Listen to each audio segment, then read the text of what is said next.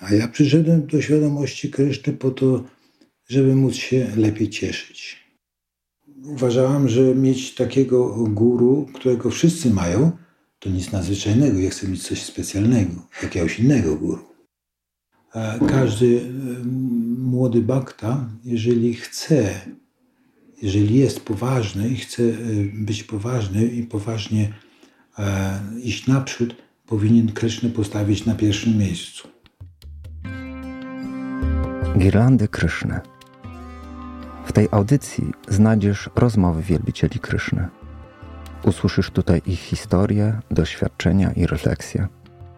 Porozmawiamy o tym, dlaczego podjęli proces bhakti yogi, jak sobie radzą w życiu, jakie są ich wyzwania i marzenia.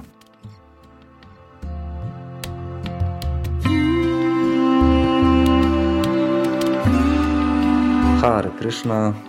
Zapraszamy na kolejny epizod podcastu Girlandy Kryszny. Tym razem jesteśmy w Simhachalam w Bawarii i moim dzisiejszym gościem jest Lakshmi Vandas. Że bardzo się ucieszyłem, jak spotkałem tutaj Prabu, bo już w Polsce, kiedy go widziałem, tak sobie pomyślałem, super by było zrobić z nim wywiad. No i akurat się tutaj naderzyła okazja. Także jestem bardzo szczęśliwy z tego powodu. Prabu, może zaczniemy od, od początku. Jak to się stało, że zacząłeś praktykować świadomość Kryszny? To tak y, wygląda trochę dziwnie, bo ludzie przychodzą do świadomości Kryszny po to, żeby się pozbyć tych e, materialnych e, obciążeń. A ja przyszedłem do świadomości Kryszny po to, żeby móc się lepiej cieszyć. Ja po prostu chciałem znaleźć sposób na to, żeby móc lepiej zadowalać swoje zmysły. I jak się okazało, Kryszna mi spełnił moje pragnienie. Mam szczegóły podawać? No więc y, ja w Polsce nigdy nie byłem bogaty, nigdy nie byłem biedny, to znaczy miałem wszystko to, co, to, co potrzebowałem, ale jak wiemy, umysł chce zawsze więcej, aniżeli mamy. Także ja pragnąłem samochodu, pragnąłem e, ładnych dziewczyn, jak najwięcej, pragnąłem podróży turystycznych po różnych ciekawych okolicach, pragnąłem pracy, wiadomo, na zachodzie, bo praca w Polsce nie mogła mi sfinansować tych wszystkich moich pragnień, a wydawało mi się, że jak będę pracował na zachodzie, to oczywiście będę bardzo bogaty. Zapomniałem tylko o tym, że jak e, pracuję na zachodzie, to ja muszę też te pieniądze wydawać na zachodzie, a na zachodzie wszystko kosztuje dużo, dużo więcej po zachodniemu. E, prawda. Co innego, gdybym ja pracował na zachodzie, w Polsce e, się cieszył albo próbował się cieszyć. Ale w każdym razie przyjechałem do Austrii i Krishna tak to zaaranżował, że w ciągu... Który, który to był rok? To był rok 82. E, to był czas, kiedy e, skończył się stan wojenny i akurat w lecie wypuścili, chyba w lecie wypuścili pierwszy autobus z Opola e, z emerytami, czyli z ludźmi poprodukcyjnymi, którzy byli nieprzydatni w Polsce. Ale w jesieni wypuścili pierwszy autobus z ludźmi, którzy się nadają do pracy, czyli potrzebni dla systemu. Ja siedziałem właśnie w tym autobusie. No i jak przyjechałem do, do Austrii, to e, autobus się zrobił pusty. W autobusie e, zostali, znaczy przy, przy, do drogi powrotnej taka para emerytów, którzy naprawdę przyjechali zwiedzać, turyści, no i kierowca. A wszyscy inni zniknęli. No i byłem w Austrii, e, zorganizowałem sobie pobyt i w ciągu pół roku spełniłem wszystkie moje pragnienia, które miałem w Polsce. To znaczy miałem auto, miałem pracę, miałem, jeździłem sobie po Austrii, po Alpach, piękne okolice, które y, widziałem na prospektach, i nie wierzyłem, że, że można coś takiego w rzeczywistości widzieć. Myślałem, że to wszystko jest takie podkolorowane. ale faktycznie te tereny turystyczne w Alpach są naprawdę takie, takie kolorowe i to w rzeczywistości tak wygląda, jak e, widzimy na prospektach.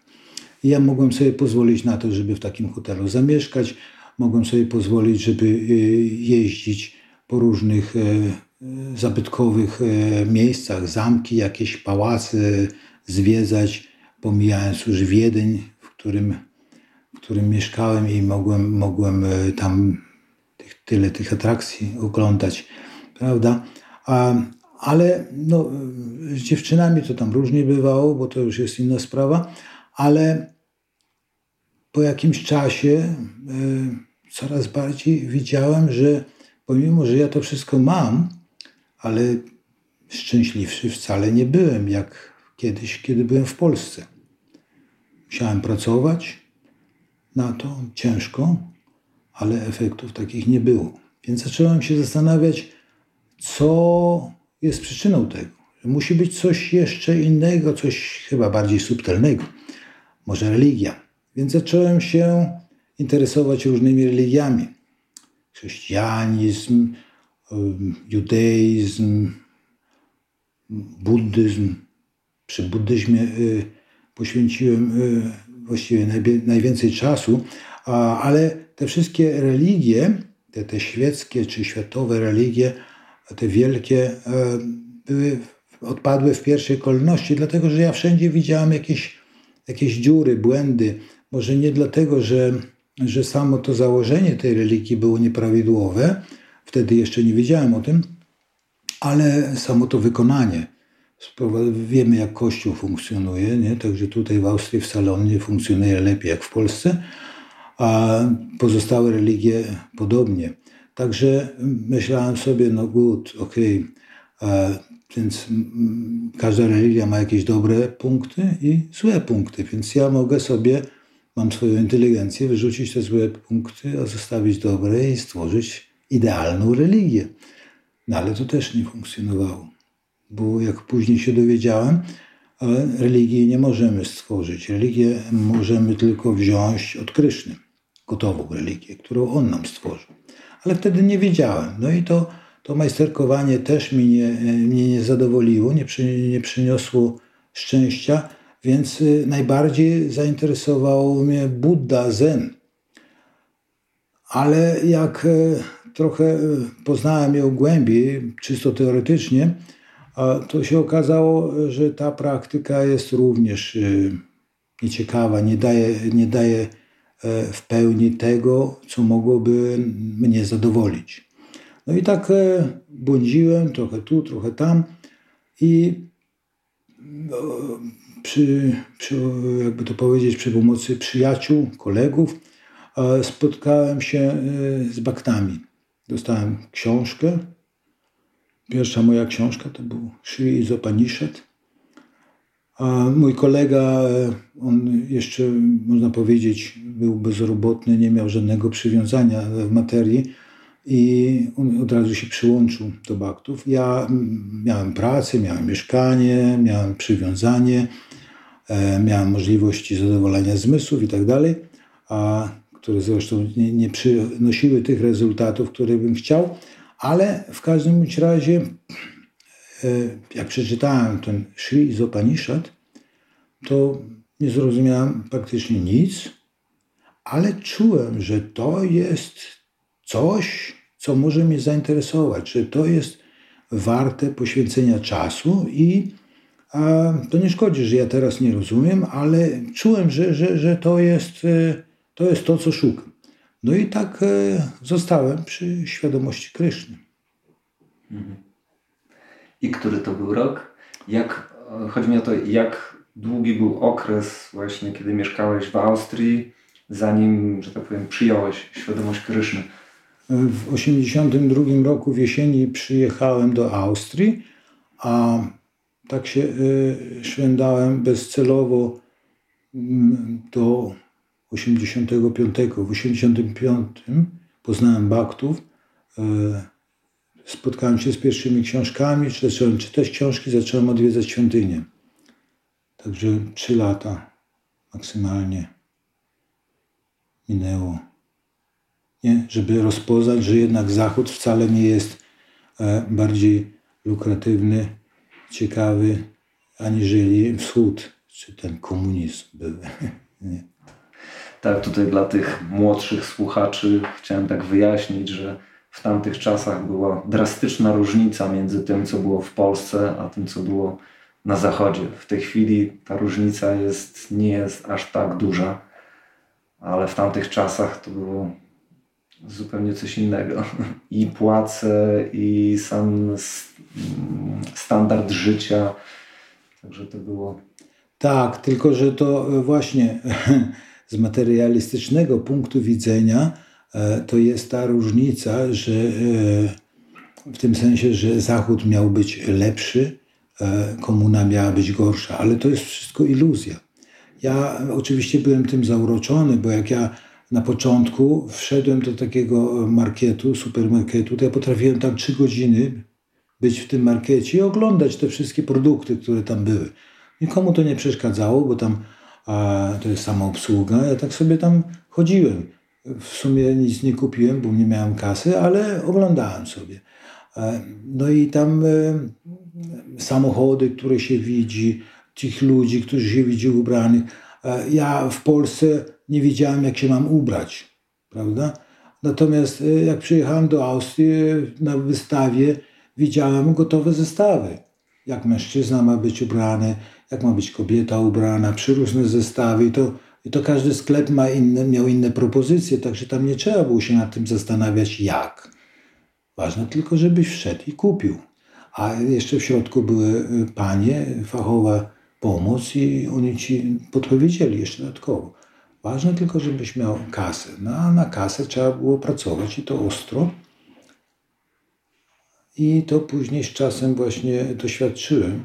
Ja dostawałem katalog za darmo, taki, taki gruby na 5-6 centymetrów z takimi e, cienkimi stronami, jak znaczy kartkami, jak Biblia. I tam były pełno różnych kolorowych zdjęć i te ceny. I co najlepsze, to wszystko można było kupić na kredyt. Więc ja e, naturalnie wpadłem w tą pułapkę i zacząłem kupować. I tak jak ja e, zarabiałem wtedy, no powiedzmy, 10 tysięcy, jak przyszedł koniec miesiąca, to ja, i przyszły te rachunki, to ja musiałem te 10 tysięcy wydać na te rachunki, a tu trzeba było jeść. Więc żeby jeść, to musiałem po pracy iść na fuchy i zarobić sobie na chleb, żeby móc coś jeść. I to tak, to, tak to wyglądało. I po, po, po pewnym czasie zacząłem myśleć, coś tu nie pasuje, nie? Bo tak, pracować rano i później jeszcze chodzić na fuchy, to ja mogłem sobie mm, tak pociągnąć miesiąc czasu, a później to już miałem dość tych pieniędzy i dość tego wszystkiego i po prostu sobie odpuszczałem i robiłem pauzę, tak zwaną przerwę. Nie? Także to jest wszystko, jakby to powiedzieć, ta, ta, ta, ta błyskotka maj e, podchodzi do ciebie, e, piękna dziewczyna z girlandą i, i uśmiechnięta i proponuje ci wspaniałe życie, rozkosz i e, próbuje ci założyć tą girlandę na szyję, czyli z tobą się związać. Jeżeli tylko to zrobisz, w tym momencie girlanda zamienia się w łańcuch i jesteś na uwięzi.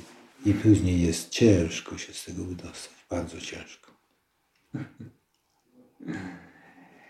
Dobrze, prawda. Powiedz mi, jak wyglądały te Twoje pierwsze, powiedzmy, lata w świadomości Kryszny, bo wiem, że byłeś bardzo aktywny e, i mm, w tworzeniu ośrodka w Wiedniu.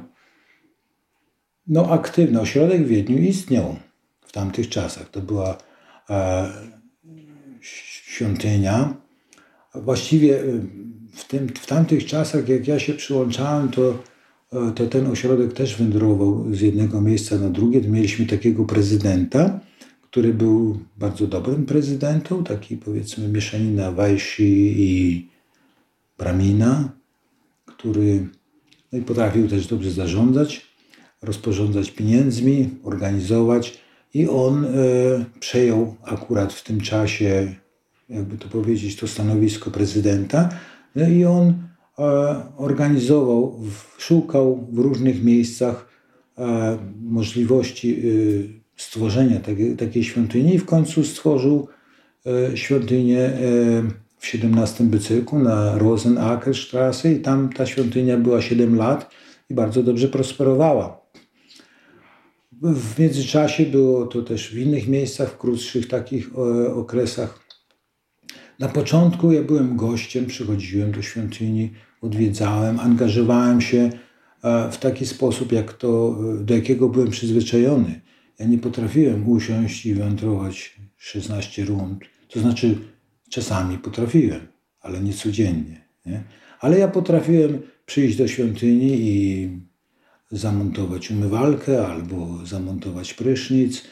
Ja robiłem to właściwie we wszystkich tych świątyniach, które w tamtych czasach powstawały. I też w Gracu była taka e, świątynia, tam też e, zajmowałem się tymi sanitarnymi rzeczami, bo to był mój zawód. W ten sposób po prostu służyłem Krysznie, w jaki potrafiłem. Nie byłem przyzwyczajony do, do pracy fizycznej, siódra, nie? i tak to w ten sposób się oczyszczałem. Jeszcze później, pamiętam, już, już ja mieszkałem w świątyni. Na początku to prezydent w ogóle nie chciał mnie przyjąć. Ale pojechałem do Indii na własny koszt z baktami. Jak wróciłem z tej Indii, to już tak byłem na tyle oczyszczony, że on mnie przyjął. I zrobił mnie od razu komandorem. Jakby nie było. Później e, on e, zapragnął mieć e, tak zwaną gowindę, taki, jakby to powiedzieć, restaurację, sklep, gdzie można było e, prasadam y, jakieś parafenalia sprzedawać i książki nauczać w samym centrum. Bo nasza świątynia była, tak powiedzieć, na, na zupełnie na uboczu, na, na krawędzi miasta, w takiej, w takiej ekskluzywnej dzielnicy. No i ja chodziłem, to moje zadanie było chodzić po mieście i szukać lokalu. No i znalazłem ten lokal. No i później Moim zadaniem było e, go wyremontować, to prowadzić. Właściwie to były dwa lokale, które żeśmy połączyli, zrobili jeden duży. Ja go remontowałem tam. I to miesiąc czasu trwało. Ja tak już myślałem, ja już nawet nie mantrowałem. Nie chodziłem na programy, mieszkałem tylko tam w tym lokalu. Mi dowozili prasadam.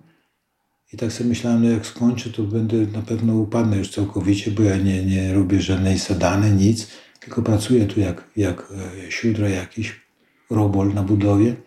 Ale jak to się skończyło, to się okazało, że ja się czułem bardziej oczyszczony, aniżeli gdybym tego nie robił, gdybym normalnie mieszkał w świątyni i, i robił ten swój taki zwykły program, jaki do tej pory robiłem. Także to nie jest prawda, że my musimy koniecznie te, ten program ciągnąć, który robimy normalnie codziennie, takie akcje, maratony, jak można powiedzieć, e, są bardzo skuteczne i to jest nieważne, co my robimy, ważne jest, że my to robimy z takim oddaniem, z poświęceniem i, i, i robimy to po to, żeby nie siebie zadowolić, tylko żeby zadowolić, można nawet powiedzieć, nie Krysznę koniecznie, bo ja wtedy to jeszcze nie miałem takiej świadomości, że ja mi wiedział, o, robię dla Kryszny, dzisiaj wstaję, robię dla Kryszny. Nie, ja robiłem, żeby zadowolić prezydenta. Nie? Bo ja czułem wtedy, że jak on jest zadowolony, to ja też. Jak on był jakiś taki nie bardzo zadowolony, czy ze mnie, czy w ogóle, to ja czułem taki, taki dyskomfort i to, to było bardzo takie nieprzyjemne. Dlatego chciałem jego zadowolić, a jak jego zadowoliłem, to, to automatycznie wszystko inne było funkcjonowało, bo, bo on wtedy lepiej prowadził tą świątynię, świątynia lepiej funkcjonowała i tak dalej.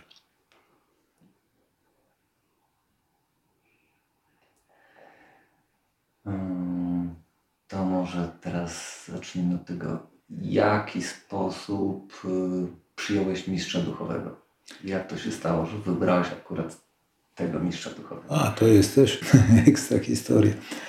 W tamtych czasach myśmy mieli właściwie tylko jednego mistrza duchowego. To był Harikesha Swami. Teoretycznie jeden. Tam w praktyce to tam byli jeszcze inni. Zaczynał już działać Krishna Kshetra Swami, Bhakti Vaibhava Swami, który wtedy był Avinash Chandrą, ale on już był guru. Kto tam jeszcze był? Bhakti Bhushana Swami to w Austrii nie był aktywny, jego tam nie było widać, ale ci dwaj przede wszystkim, Krishna Kshetra i późniejszy Bhakti Vaibhava Swami. Oni zaczęli tam również inicjować, ale praktycznie każdy był e, inicjowany przez Harikesha Swamiego. No i e, z czasem e, doszedłem do wniosku, że ja też bym chciał mieć mistrza duchowego. Wszyscy mają, a ja nie. No to coś, to jest takie, taka, takie poczucie przynależności do grupy, nie? Ja muszę mieć też to, co inni mają, bo inaczej to taki jestem, jakby to powiedzieć, wyłączony. No poza tym Bakta mam mniejszy, e, mniejsze poważanie, autorytet jak inicjowany, a już z drugą inicjacją to już dopiero. No, w taki sposób się myśli a w tych czasach, gdy jest się baktą. No i e, nie miałem ochoty mieć e, Harikeshi Swamiego jako guru i to z takiego e, banalnego powodu, bo ja e, uważałam, że mieć takiego guru, którego wszyscy mają, to nic nadzwyczajnego. Ja chcę mieć coś specjalnego, jakiegoś innego guru. Nie? No i tak się złożyło, że ja jeździłem do Polski. Wtedy już znalazłem baktów w Polsce i jeździłem dosyć regularnie do Polski. I tak się złożyło, że przyjechałem do Wrocławia. E, Wrocław to był moją pierwszą świątynią, chyba, którą odwiedzałem. Tam była Nabuczka świątynia. Pamiętasz Buczka? Było takie maleńkie mieszkanko. E, pokój świątynny to był taki, że jak rozprostałeś ramiona, to mogłeś dwie ściany dotknąć praktycznie. Nie? A e, kuchnia, to tam wchodziły akurat dwie osoby, do tej kuchni się mieściły. E, trzecia już nie miała szans. No i a jak był program niedzielny, a tam były jeszcze dwa pokoje na dodatek. Jeden to był pokój świątynny, a ten drugi to był chyba pokój brahmacharinów. W każdym razie, jak był program niedzielny, to na korytarzu, bo to było w, w budynku mieszkalnym, przed drzwiami to była taka sterta butów na wysokość jednego metra. Bo, one tak nie mogły być rozprzestrzenione jak w Indiach przed świątynią, że, że buty są na, na wiem, 20-30 metrów kwadratowych tylko tam musiała być taka kupa, bo to by zawaliło drzwi sąsiada. Wtedy byłyby problemy. No ale tak było. No i ja przyszedłem na taki program i tam oczywiście było wszystko zawalone. Nie można było ich wsadzić, ale ja się tam mimo wszystko wypchałem do środka, do tego pokoju świątynnego i tam siedział saniasin i dawał wykład. No i tak sobie myślę, fajny saniasin. Może, może on jest guru, nie? I tak. No i dawał wykład po tym wykładzie był prasadam. No i pamiętam, e, to był Indradyumna Swami, mój obecny guru. On zapragnął pomidory. No i a Kisiora nie miał pomidorów. To Kisiora był wtedy prezydentem. No i oczywiście się odwrócił. No niech tam któryś pójdzie i kupi pomidory, nie? Ale nikt się nie ruszał. no i tak Gurudev upominał się chyba ze dwa, trzy razy nie było echa. No i później przestał.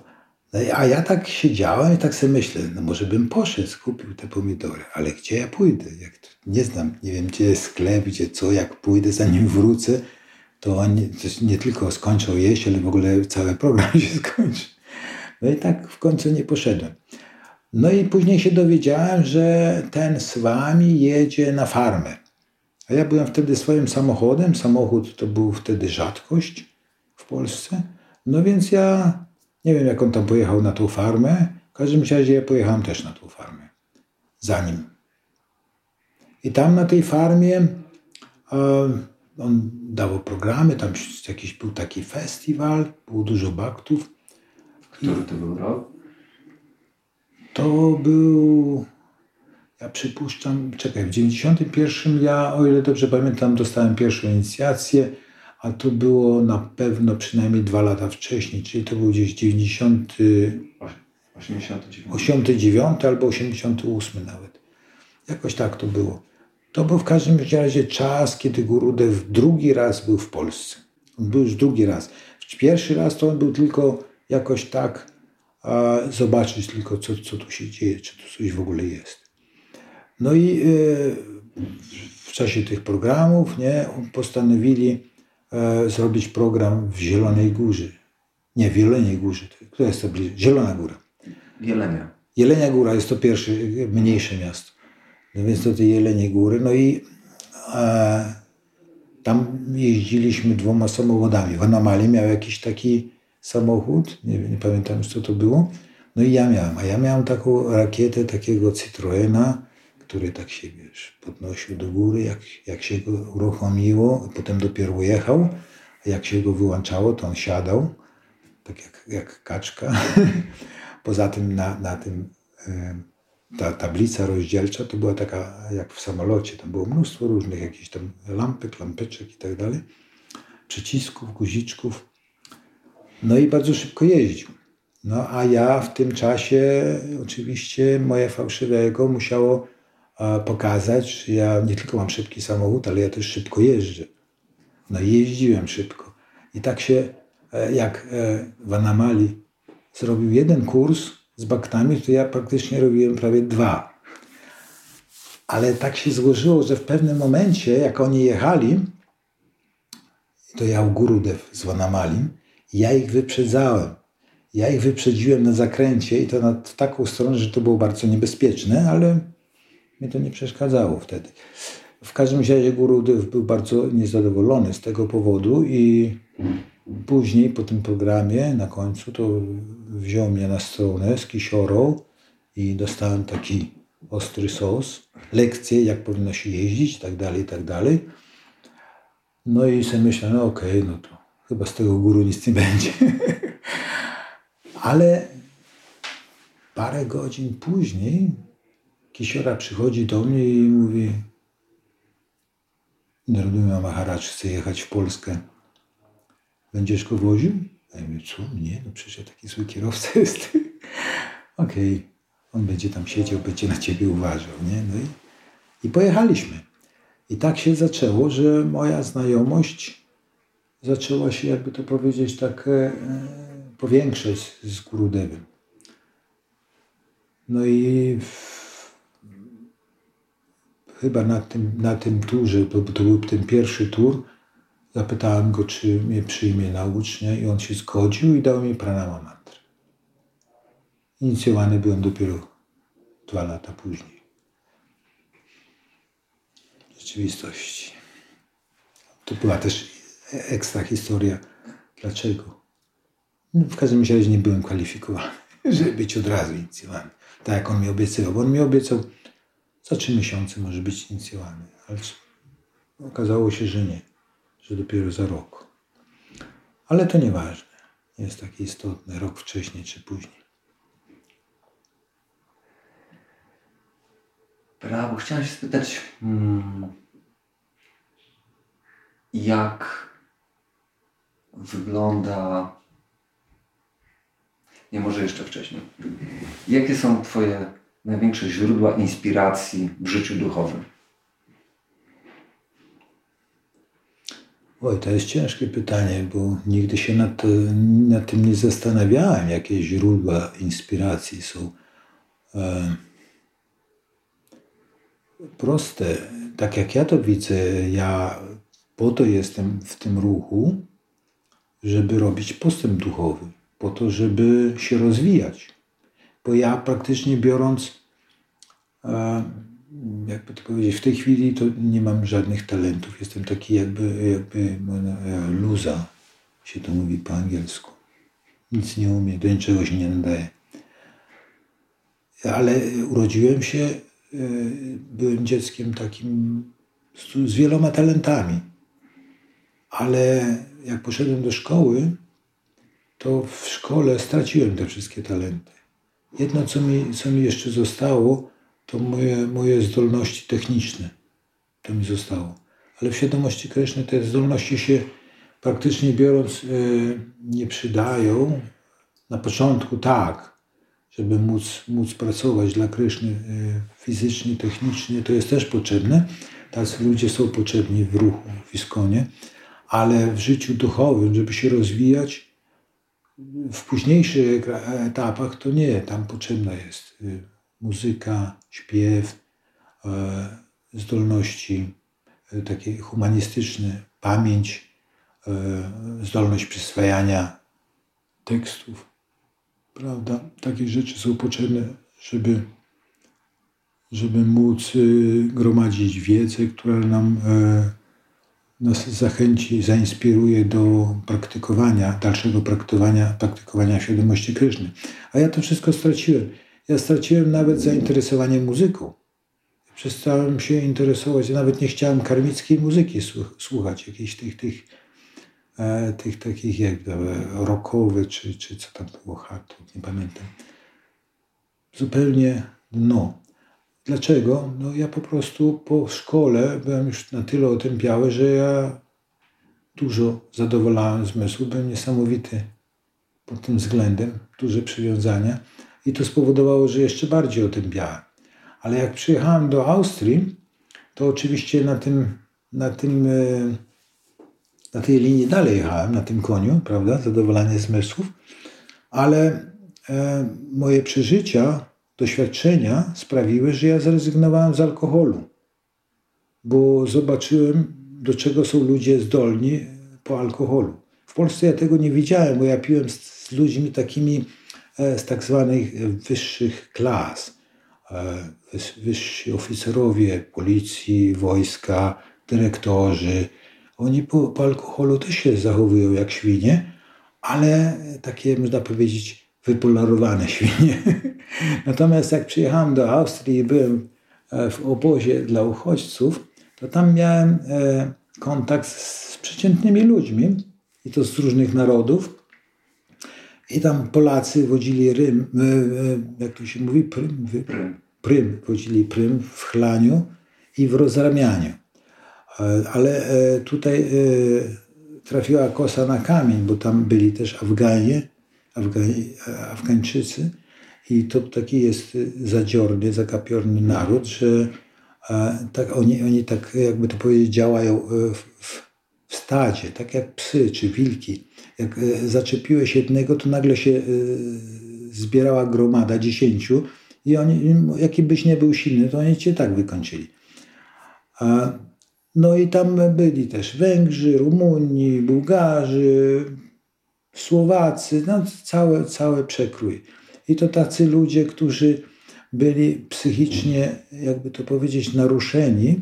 Ja to sam też przeżyłem, bo to byli wszyscy uciekinierzy. I jak, jak e, opuszczasz swój kraj, wychodzisz ze swojego środowiska i wiesz, że ty robisz to w sposób nielegalny, e, to masz taką e, psychozę, że ten kraj, te, te, ta władza, którą zostawiłeś, może E, wpływ, próbować wpływać na Twoją rodzinę, e, że odciąłeś sobie wszystkie mosty, spaliłeś, że Ty nigdy nie będziesz mógł tam wrócić, bo Ciebie zamknął, bo to, bo tamto, bo siamto. W Chinach jest coś takiego nadal, no ale Polska nie była takimi Chinami, e, inne kraje europejskie też nie, ale mimo wszystko taka psychoza istniała i ja widziałem u innych ludzi, to objawiało się w sposób ekstremalny. Ja to miałem tylko takie horrory, sny właściwie, ale niektórzy wariowali, e, zostawali alkoholikami takimi naprawdę. Tam akurat narkotyki to nie wchodziły tak e, w rolę, bo, bo tam nie mieliśmy pieniędzy, nie było za co kupić tych narkotyków, ale e, ta, te, te zakłócenia psychiczne tam były. Dlatego ja widziałem, do czego to prowadzi. Postanowiłem zrezygnować z alkoholu w pierwszej kolejności, ale to spowodowało, że inny problem, bo wśród pijaków jest tak, że musisz się z kimś napić. Nie? Jak cię zaprasza, to musisz się napić. Jeżeli nie chcesz, to jesteś podejrzany. I to jest tak zazwyczaj, że jak jesteś alkoholikiem i szukasz możliwości napicia się za darmo, to wszyscy y, to wyczuwają, już cię znają i nie chcą ciebie gościć. Ale jeżeli tylko postanowisz zrezygnować z tego alkoholu, to nagle wszyscy cię zapraszają i chcą, żebyś się z nimi napił. Nie? I także możesz wtedy pić za darmo. To tak działa Maja w ten sposób. A jeżeli odmawiasz, to jest niebezpiecznie, bo mogą cię pobić. Pobić czy nawet zadźgać. Nie? No tam, tam gdzie ja byłem, to, to było naprawdę poważnie. Tam krew sikała po suficie, po ścianach, jak były party. To tak jak e, naprawdę wesoło było. I dlatego to wszystko mnie zniechęciło do alkoholu. Także to było to pierwsze. Później miałem jeszcze problemy z papierosami. Potem się poka- pokazały narkotyki, których trzeba było się później też pozbyć, ale to już nie był żaden problem. W każdym razie. Ale wracając do pytania, y, co, co jest dla Ciebie inspiracją w życiu, w życiu duchowym? W tej chwili dla mnie inspiracją jest, jest ciekawość. E, dlatego, że ja już mam troszeczkę doświadczenia i wiem, e, że jak zwiększę ilość rund, które mantruję, to widzę różnicę w mojej świadomości i widzę, co ja dostaję za to od Kryszny, widzę, co, ja, co się we mnie odkrywa, jak te zanieczyszczenia odpadną, nowe, nowe kwalifikacje, znaczy nie nowe, to są stare, które są we mnie, ale one są przykryte, one się odkrywają. I teraz a, e, ta ciekawość mnie zmusza do tego, żeby mój standard ciągle podwyższać, bo, bo, bo ja chcę wiedzieć, co będzie, jak ja znowu podniosę poprzeczkę i ją przeskoczę. Więc coś przyjdzie, ale co? Nie? Jak to przyjdzie, to oczywiście jest pełna ekstaza, ale ta ekstaza blednie z czasem, bo to się staje normalne. Nie? Gdybym ja na przykład E, tą świadomość uzyskał tak nagle przed 20 laty, to nie wiem, chyba bym umarł z ekstazy. Ale teraz, teraz to narzekam, bo, bo tyle rzeczy mi przeszkadza, żebym mógł jeszcze powiedzmy 10 rund dodać, czy 16 rund dodać, takich technicznych, których, których trudno jest mi się pozbyć, dlatego że pewne rzeczy muszą być wykonane, bo jak e, dach ma dziurę w moim domu, to ja muszę go zalepić w jakiś sposób, usunąć, bo inaczej to mi będzie kapać do talerza, czy do łóżka. Czy nie. To mu, musi być zrobione. Tego, to, tego nikt nie zrobi za mnie. To jest taki tylko jeden przykład. Jest takich przykładów u mnie mnóstwo, bo ja mieszkam a, akurat w swoim własnym domu. Mógłby ktoś powiedzieć, no to zostaw ten dom, weź sobie mieszkanie. Ale czynsz u nas jest tak wysoki, że ja bym musiał praktycznie tylko na tym, właściwie to moja emerytura wystarczyła tylko na ten czynsz, a co bym jadł, a z czego bym utrzymał żonę i tak dalej. Także to nie jest takie proste. E, dlatego musimy to umiejętnie takimi etapami robić. Ale w każdym razie to jest ta inspiracja, ciekawość, co przyjdzie, jak podwyższę mój standard jeszcze bardziej, jak, jak, e, jakby to powiedzieć, jak się oddam Krysznie jeszcze bardziej, jak więcej będę e, dla Kryszny pracować. Ja już taką wyrobiłem sobie mm, metodę, że jak e, coś potrzebuję mm, kupić, czy obojętnie potrzebuję coś, coś czego nie mam, więc ja nie idę, nie szukam jakiejś dodatkowej pracy, nie biorę pożyczki, e, nie patrzę skąd zdobyć więcej pieniędzy, tylko patrzę jak mogę lepiej Krysznę zadowolić, jak mogę coś więcej dla Kryszny zrobić. I ta rzecz się pokazuje bardzo szybko. Jest bardzo, bardzo, proste, bardzo prosto funkcjonuje, tylko wydaje mi się, e, my musimy tak przekonać się o tym. Jak ja komuś o tym opowiadam, to wszyscy, aha, fajnie, ale nikt tego nie robi, bo, bo nie ma tego doświadczenia, że to faktycznie tak funkcjonuje. Ja też bardzo długo musiałem a, dochodzić do tego momentu, w którym powiedziałem, ok, e, jeżeli Krishna mówi w Bhagavad Gita, e, ja daję moim wielbicielom wszystko, co potrzebują i utrzymuję wszystko, co mają, no więc dlaczego nie wypróbować, nie? Dlaczego ja mam tylko to czytać i może nawet opowiadać o tym na wykładzie, a robić coś innego? Więc ja postanowiłem to wypróbować i faktycznie zrobiłem tak. I, i, postawiłem wszystko na jedną szalę i, i, to zafunkcjonowało. Naturalnie to było, to wymagało, jakby to powiedzieć, silnej woli, e, takiego zaparcia, upartości, a ja jestem z natury uparty. E, to mi moja żona ciągle wypomina, ale, ale to mi też w świadomości Kryszny wiele pomogło, bo ja, gdybym nie był uparty, to ja nie wiem, czy ja bym jeszcze był w świadomości Kryszny. Bo my mamy wzloty i upadki i jak jest, jak jest niedobrze, ciężko, to bardzo łatwo jest powiedzieć, ok, rezygnuję. Dlaczego mam się tu męczyć? Ale ja założyłem swój program, plan. Mam taką naturę, że ja uparcie dążę do tego, aż, aż będzie sukces. I to się to opłaci, funkcjonuje. Dobrze. Mm, tak, jesteś już całkiem długo w naszym ruchu. E, jak byś skomentował zmiany w Iskonie, zmiany w, w społeczności świadomości Kryszny? Jak to było właśnie w latach 90., y, jak to wygląda teraz z Twojej perspektywy? Z mojej perspektywy było lepiej, jest gorzej. Można by powiedzieć, że wszyscy starzy ludzie narzekają, że kiedyś było lepiej, a teraz jest gorzej, ale ja mogę to e, wypunktować. I to nie jest tylko takie, takie e, mentalne, mentalne przypominanie sobie dobrych momentów przeszłości, a nie pamiętanie złych momentów, bo tak właściwie funkcjonują karmici, e, gdy są starsi. Oni zapominają te, te złe momenty, a pamiętają te dobre. I wydaje mi się, że, że teraz jest źle, a kiedyś było lepiej, ale to jest iluzja. Jednak ja mogę e, powiedzieć, że kiedyś w Iskonie był wyższy standard, e, były większe efekty,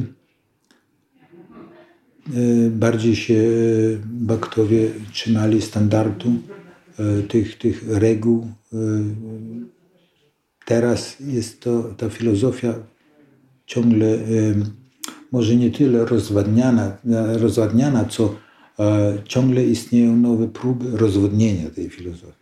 Ciągle się trafia jakaś osoba, która ma mniej lub większą e, charyzmę, która próbuje jakiś, jakiś taki lewy standard wprowadzić jako, jako nauki prawopady, czy, czy powiedzmy E, rzeczywiste tłumaczenie Wed.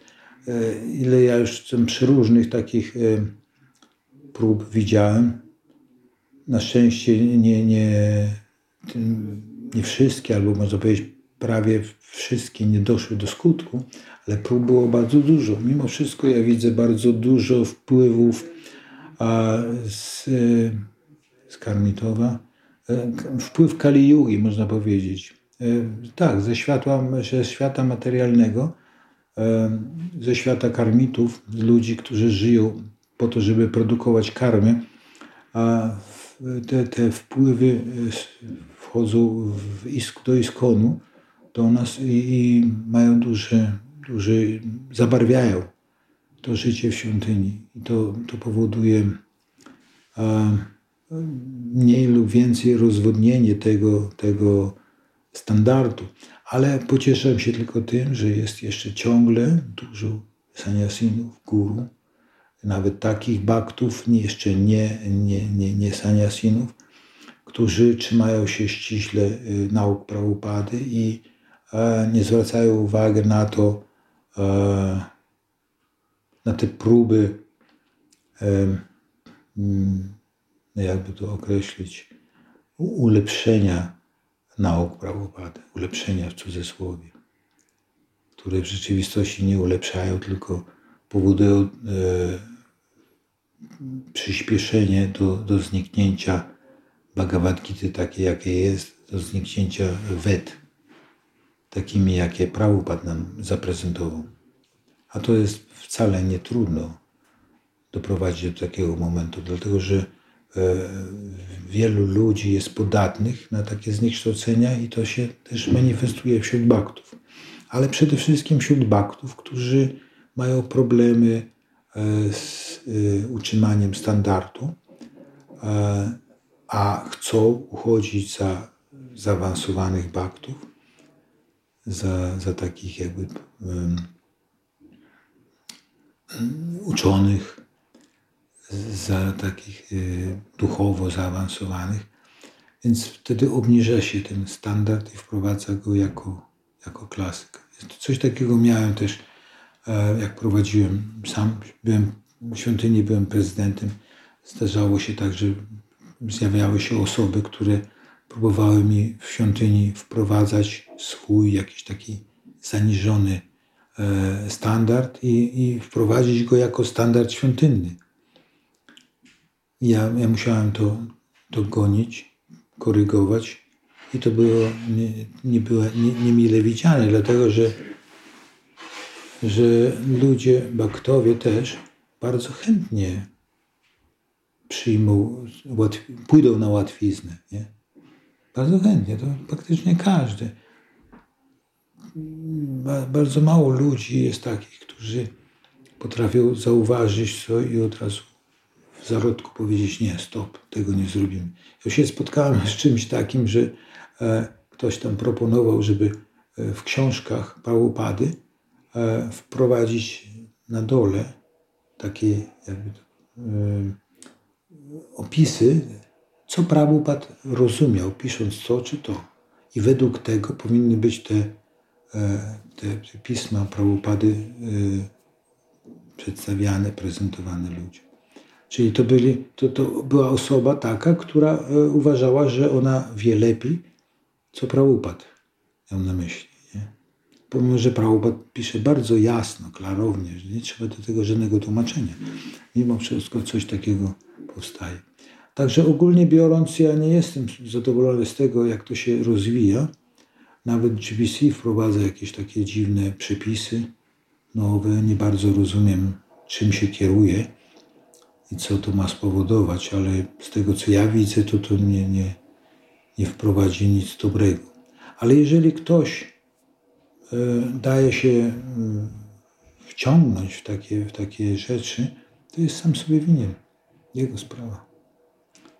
Pójdzie tam, gdzie, gdzie sobie zasłuży, ale na pewno nie do Kryszny. jak byś chciał pomóc młodemu wielbicielowi, aby nie miał y, takich problemów w życiu duchowym, jakie ty miałeś, tak? Jakby mu pomóc mm, przejść ponad te problemy? To jest y, takie bardzo ogólne pytanie, dlatego że każdy bakta jest inny. Ja jestem inny. Nie, nie można tego samego lekarstwa zastosować do wszystkich pacjentów, pomimo że oni mają tą samą chorobę. Każdego trzeba indywidualnie traktować, ale ja mam taką a, ogólną radę, dobrą dla wszystkich. E, każdy e, młody bakta, jeżeli chce, jeżeli jest poważny i chce e, być poważny i poważnie iść naprzód, powinien Krysznę postawić na pierwszym miejscu i wtedy wszystko będzie załatwione. Kryszna na pierwszym miejscu, wszystko inne później. I wszystko się ułoży. Pomimo, że to na początku tak wygląda trochę abstrakcyjnie, niemożliwe, bo zaraz będzie odpowiedź, a, a co, Kryszna mi przyśle jedzenie? Kryszna będzie sypał mannę z nieba, jak to w Biblii pisze? Czy Kryszna mi zapłaci za mieszkanie? Czy Kryszna zapłaci za lekarza? Takie, takie teksty to e, słyszy się zawsze. Ale to tylko wynika z tego, że na początku nie mamy zaufania do Kryszny.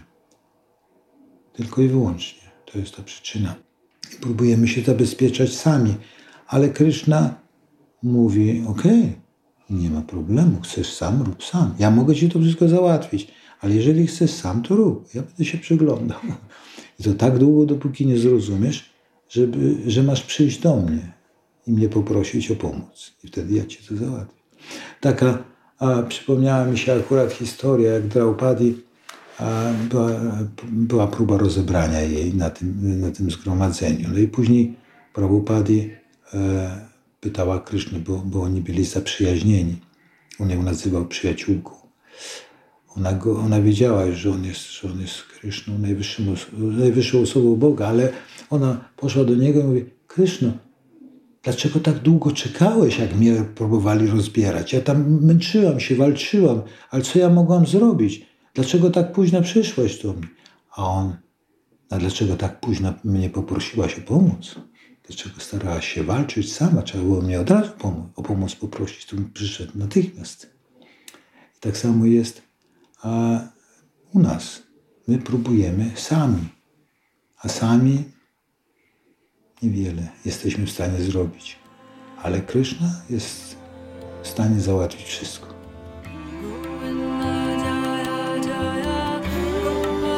Dziękuję ślicznie za Twój czas poświęcony. Jak zaczynaliśmy, to padał deszcz, a teraz wyszło słońce. Słońce wyszło dlatego, że rozmawialiśmy o Krysznie. tak, tam gdzie jest, tam gdzie jest Kryszna nie ma kwestii ciemności. Tak jest. Jeszcze raz dziękuję. Hare Krishna. Hare Krishna.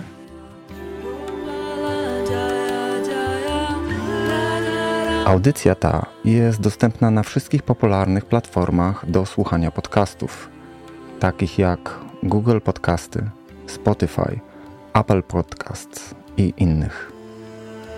Odcinki podcastu umieszczone są także na kanale Akademii Wisznuizmu serwisu YouTube i na stronie Akademii Wisznuizmu aw.edu.pl w zakładce podcasty również można znaleźć odcinki tej audycji.